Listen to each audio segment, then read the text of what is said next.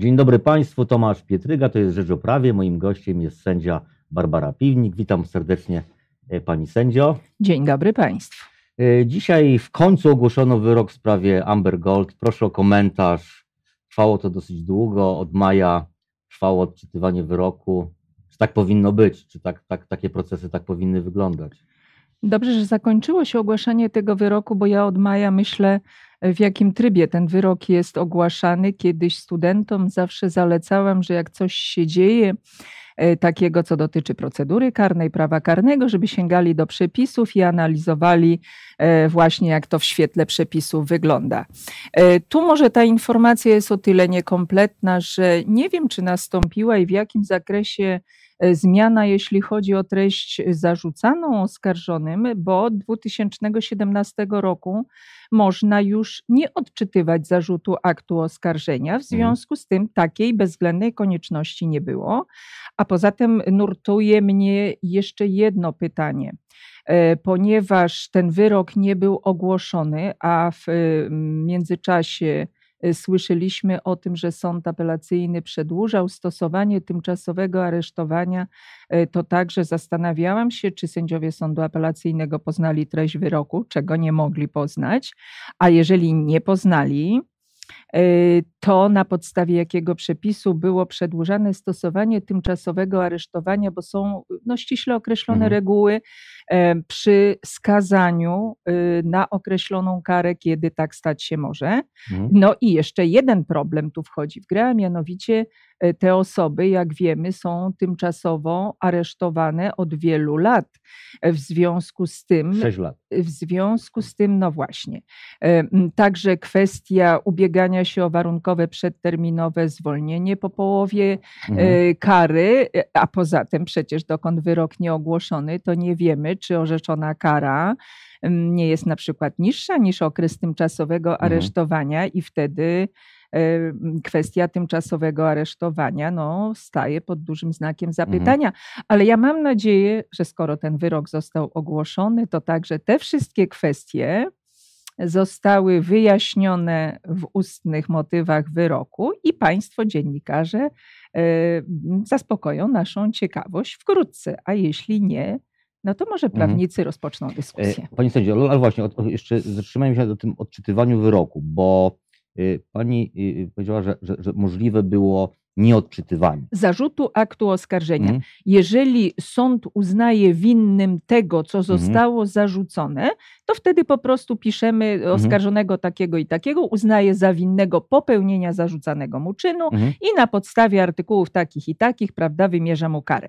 Można modyfikować na przykład zarzut, ale wtedy też nie zawsze jest konieczność napisania całego zarzutu nowego od początku, tylko na przykład wtedy y, y, w tym opisie przyjmujemy z tym, że przyjmuje, na przykład modyfikując wysokość szkody, mhm. Czy eliminując z opisu czynu coś, czy uzupełniając opis czynu. Więc tu oczekiwałabym, no może oczywiście siłą rzeczy nie mogę śledzić dokładnego przekazu, prawda, z odczytywania całej treści tego wyroku. Zresztą myślę, że nikt y, oprócz pani sędziego e, w tym nie brał udziału tak naprawdę od początku do końca, e, ale y, właśnie o to chodzi, że jeżeli Y, zmieniamy kwalifikacje, zmieniamy opis czynu. To są to wszystko istotne elementy, chociażby dlatego, o czym powiedziałam, stosowania tymczasowego aresztowania. Mhm. A więc to nie jest tylko kwestia tego, y, ile czasu y, spędzimy na sali ogłaszając wyrok. Poza tym no, z własnej praktyki wiem, czy też praktyki rzecznika prasowego, że przecież y, wiele było bardzo skomplikowanych, wieloosobowych spraw dotyczących wielu zarzutów i te wyroki były ogłaszane w ciągu jednego dnia, także no, czekam na dalsze informacje. Mhm. E, zapadł wyrok 15 e, i 12 lat więzienia.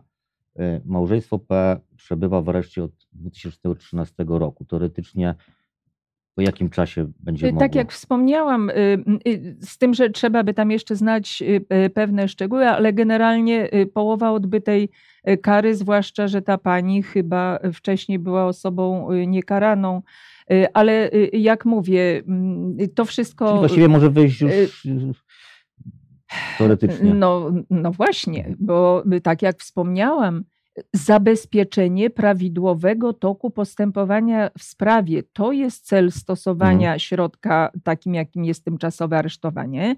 Oczywiście tymczasowe aresztowanie przy skazaniu powyżej lat e, trzech może trwać do momentu rozpoczęcia mm, odbywania kary, więc teraz, kiedy mamy wyrok ogłoszony, no to troszkę jest sytuacja inna. Y, ale y, nie uprzedzajmy decyzji y, sądu, chyba te wszystkie okoliczności zostaną rozważone, łącznie z tym, że przecież, jak słyszeliśmy, na przykład ta pani chyba jest matką małego dziecka, więc no poczekajmy na mhm. decyzję sądu. A jest to, a jest to podstawa do tego, żeby skarżyć te, te, ten areszt, na przykład do Strasburga, ubiegać się o odszkodowanie? Proszę mi darować, że nie będę odpowiadała na to pytanie, bo też Mm, nie chcę służyć jakąkolwiek poradą, radą czy wyrażaniem opinii, żeby później ktoś też ewentualnie nie sugerował się tym, co piwnik na ten mhm. temat myśli. No to zamknijmy ten wątek, przejdźmy do sądownictwa, do, do reformy sądownictwa. Ma, mieli, mamy ze sobą wybory, minęło 4 lata i dla pani y, po tych 4 latach w sądach pracuje się lepiej, gorzej, nic się nie zmieniło. Panie redaktorze, prowokuje mnie pan, bo jestem właśnie na kilka dni przed y, zmianą warunków y, pracy Sądu Okręgowego Warszawa-Praga w Warszawie z warunków złych na jeszcze gorsze. I przeniesienia do budynku, który w 2010 roku zakupiony, do tej pory jeszcze nie przybrał takiego kształtu i chyba tak naprawdę nigdy nie przybierze, żeby spełniać y, wymogi niezbędne, jeśli chodzi o sąd. Wspominam też o tym dlatego, że likwidując w jakiejś części swoje archiwum, bo y, powstawało ono od roku 85, kiedy zaczęłam pracę w sądzie y, wojewódzkim w Warszawie. Jeszcze byłam rzecznikiem prasowym, mam bardzo dużo różnych dokumentów, E, prasy, ale nie tylko. E, rękopisów uzasadnień wyroków w bardzo głośnych sprawach, e, które teraz chyba traktowane są jak makulatura, czy notatek z głosów stron w wielkich, głośnych procesach, które miały ogromną objętość, te notatki, ale już niestety w części przez niszczarkę zostały bezpowrotnie stracone. A dlaczego o tym mówię? Mhm. Kiedy Pan mówi o tym, jak się pracuje, to ja E, widzę w tych starych tekstach wszystko to, do czego teraz próbuje się po kolejnych zmianach w prawie nieudolnie dojść, e, co zaprzepaszczono przez lata, a mianowicie sposób sporządzania uzasadnień, e, sposób procedowania w sprawach, przygotowania się do rozpraw, tego, jak Wyglądało to przed laty, kiedy ręcznie protokołowano i ręcznie sędzia pisał uzasadnienie i wszystko toczyło się szybciej. Y, mm, kolejne zmiany przepisów, czy chociażby e, losowy przydział y, spraw spowodowały, że coraz trudniej jest zaplanować sobie pracę w referacie, bo nigdy nie wiadomo, czy e, za chwilę nie wylosuje się y, sprawy, która wymaga choćby przez stosowanie tymczasowego aresztowania podjęcia czynności natychmiast. Mhm. Więc na przykład zaplanowanie na kolejne dni w tygodniu, nawet jakbyśmy mieli salę, w Nowym Sądzie też nie będzie wystarczającej ilości, gdybyśmy mieli salę i sobie sędzia zaplanuje tydzień, codzień na sali, a wylosuje sprawę na przykład 100 tomów i 10 czy 5 aresztów do przedłużenia, to po prostu nie ma tego kiedy jak y, zrobić. Więc kiedy był inny system z kolejności wpływu spraw, mieliśmy terminy posiedzeń, mieliśmy terminy rozpraw zaplanowane i takich sytuacji nie było. Mhm. Y, ostatnio właśnie mogę powiedzieć, y, dwa czy trzy dni temu, wczoraj, Mhm. Została wylosowana sprawa, koleżanka wylosowała, gdzie jest 350 tomów i 93 oskarżonych. Już pomijając, e, że mm, taka konstrukcja aktu oskarżenia absolutnie y, przekreśla możliwość, ja już nie powiem sprawnego procedowania, w ogóle procedowania w sprawie. Tu możemy zaraz, pan może postawić pytanie dotyczące nowych przepisów, gdzie można sądzić y, oskarżonego, nawet jak usprawiedliwił To prawidłowo jeszcze- jeszcze swoją nieobecność. Nie wolno Mhm. sądzić człowieka, który na przykład e, uległ wypadkowi i leży na oddziale intensywnej terapii, Mhm. a sędzia, jeżeli taki się znajdzie, że będzie e, procedował pod nieobecność tego oskarżonego, to mam nadzieję, że się o niego kiedyś historia e, upomni. Mhm. E, I dlatego, jak mówię o tym archiwum swoim, o tej historii obowiązujących przepisów i tym, jak się dziś i w jaki sposób przepisy zmieniły, to nie jest sprawniej. To nie jest tak, że druk uzasadnienia przy, y, przybliży obywatelowi zrozumienie tego, dlaczego on został Mhm. tak skazany. Bo jeżeli wedle projektu y, takie uzasadnienie ma się zaczynać od treści, i tu zaraz dojdziemy do Amber Gold, y, treści czynu zarzucanego, a następny punkt treść czynu przypisanego, to dla mnie powstaje takie pytanie, pierwsze, które się nasuwa, a to czemu służy wyrok? No to właśnie w treści wyroku jest czyn zarzucany, to co Państwu mówiłam, jeżeli jest potrzeba zmiany, to wtedy ten czyn przypisany oskarżonemu może się różnić, a może być tak, że czyn zarzucany jest dokładnie taki sam, jak przypisany treścią wyroku. Po co to przepisywać w uzasadnieniu? W związku z tym, jeżeli teraz wyrok w Amber Gold mm, ma tam kilka tomów i jest czytany, to jeżeli pani sędzia miałaby zacząć od tego, że w druku ma umieścić e, czyn zarzucany, a później czyn przypisany, to kolejnych sześć tomów przybędzie. Mm, Koledzy y, ze mnie się śmieją, mówią, nie używasz komputera, bo tak to się będzie kopiować. Nie skopiujemy życia człowieka. I jak ja właśnie w tym swoim archiwum teraz, nawet z czasów aplikacji, znalazłam uzasadnienie czterech oskarżonych, rozbój z niebezpiecznym narzędziem, powództwa cywilne, koszty, wszystko, to wszystko na siedmiu stronach maszynopisu, opisane, omówione dowody, wskazane, tylko to jest to innego rodzaju przygotowanie sędziego do wykonywania zawodu i to jest No. ta, ta inna sytuacja, do jakiej my chyba teraz dążymy, tylko Znaczy zawracamy, przepisy, zawracamy tylko przepisy oddalają nas Mhm. od tego, Mhm. bo nie było druków, Mhm. tylko był sędzia z znajomością sprawy i z taką potrzebą, y, oczywiście też w wyniku szkolenia wykształconą potrzebą wytłumaczenia obywatelowi, którego wyrok dotyczy, albo który się z tym zapozna. Dlaczego tak Mhm. się stało? Pani sędzio, pani dotknęła y, zmian w, w kodeksie postępowania karnego, który obowiązuje od 5 października, gdzie właśnie przewidziano tak, y, formularz. Jeden troszkę wcześniej, ale Mhm. nie udało się przyspieszyć w Gdańsku, bo Dokładnie. też było niefortunne. Ale właśnie y, powiedziała Pani o tym formularzu, y, na którym y, sędzia może w, Wkrótce, bo tam uzasadniać, tak, tak. trochę później. y, czy wydawać wyrok bez oskarżonego, który jest y, usprawiedliwiony w jakiś sposób. czyli na Należycie właściwie, wypadkiem. tak. I, i to, to, to, nie są rozwiązania, które. Czy, rozumiem Pani, że Pani nie ocenia ich pozytywnie, tych rozwiązań.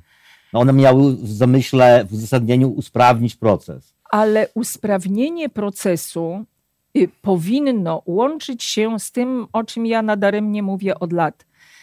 Obywatel świadomy prawa, obywatel wykształcony, jeśli chodzi o obowiązujące prawo. I ja nie mówię tu o prawnikach.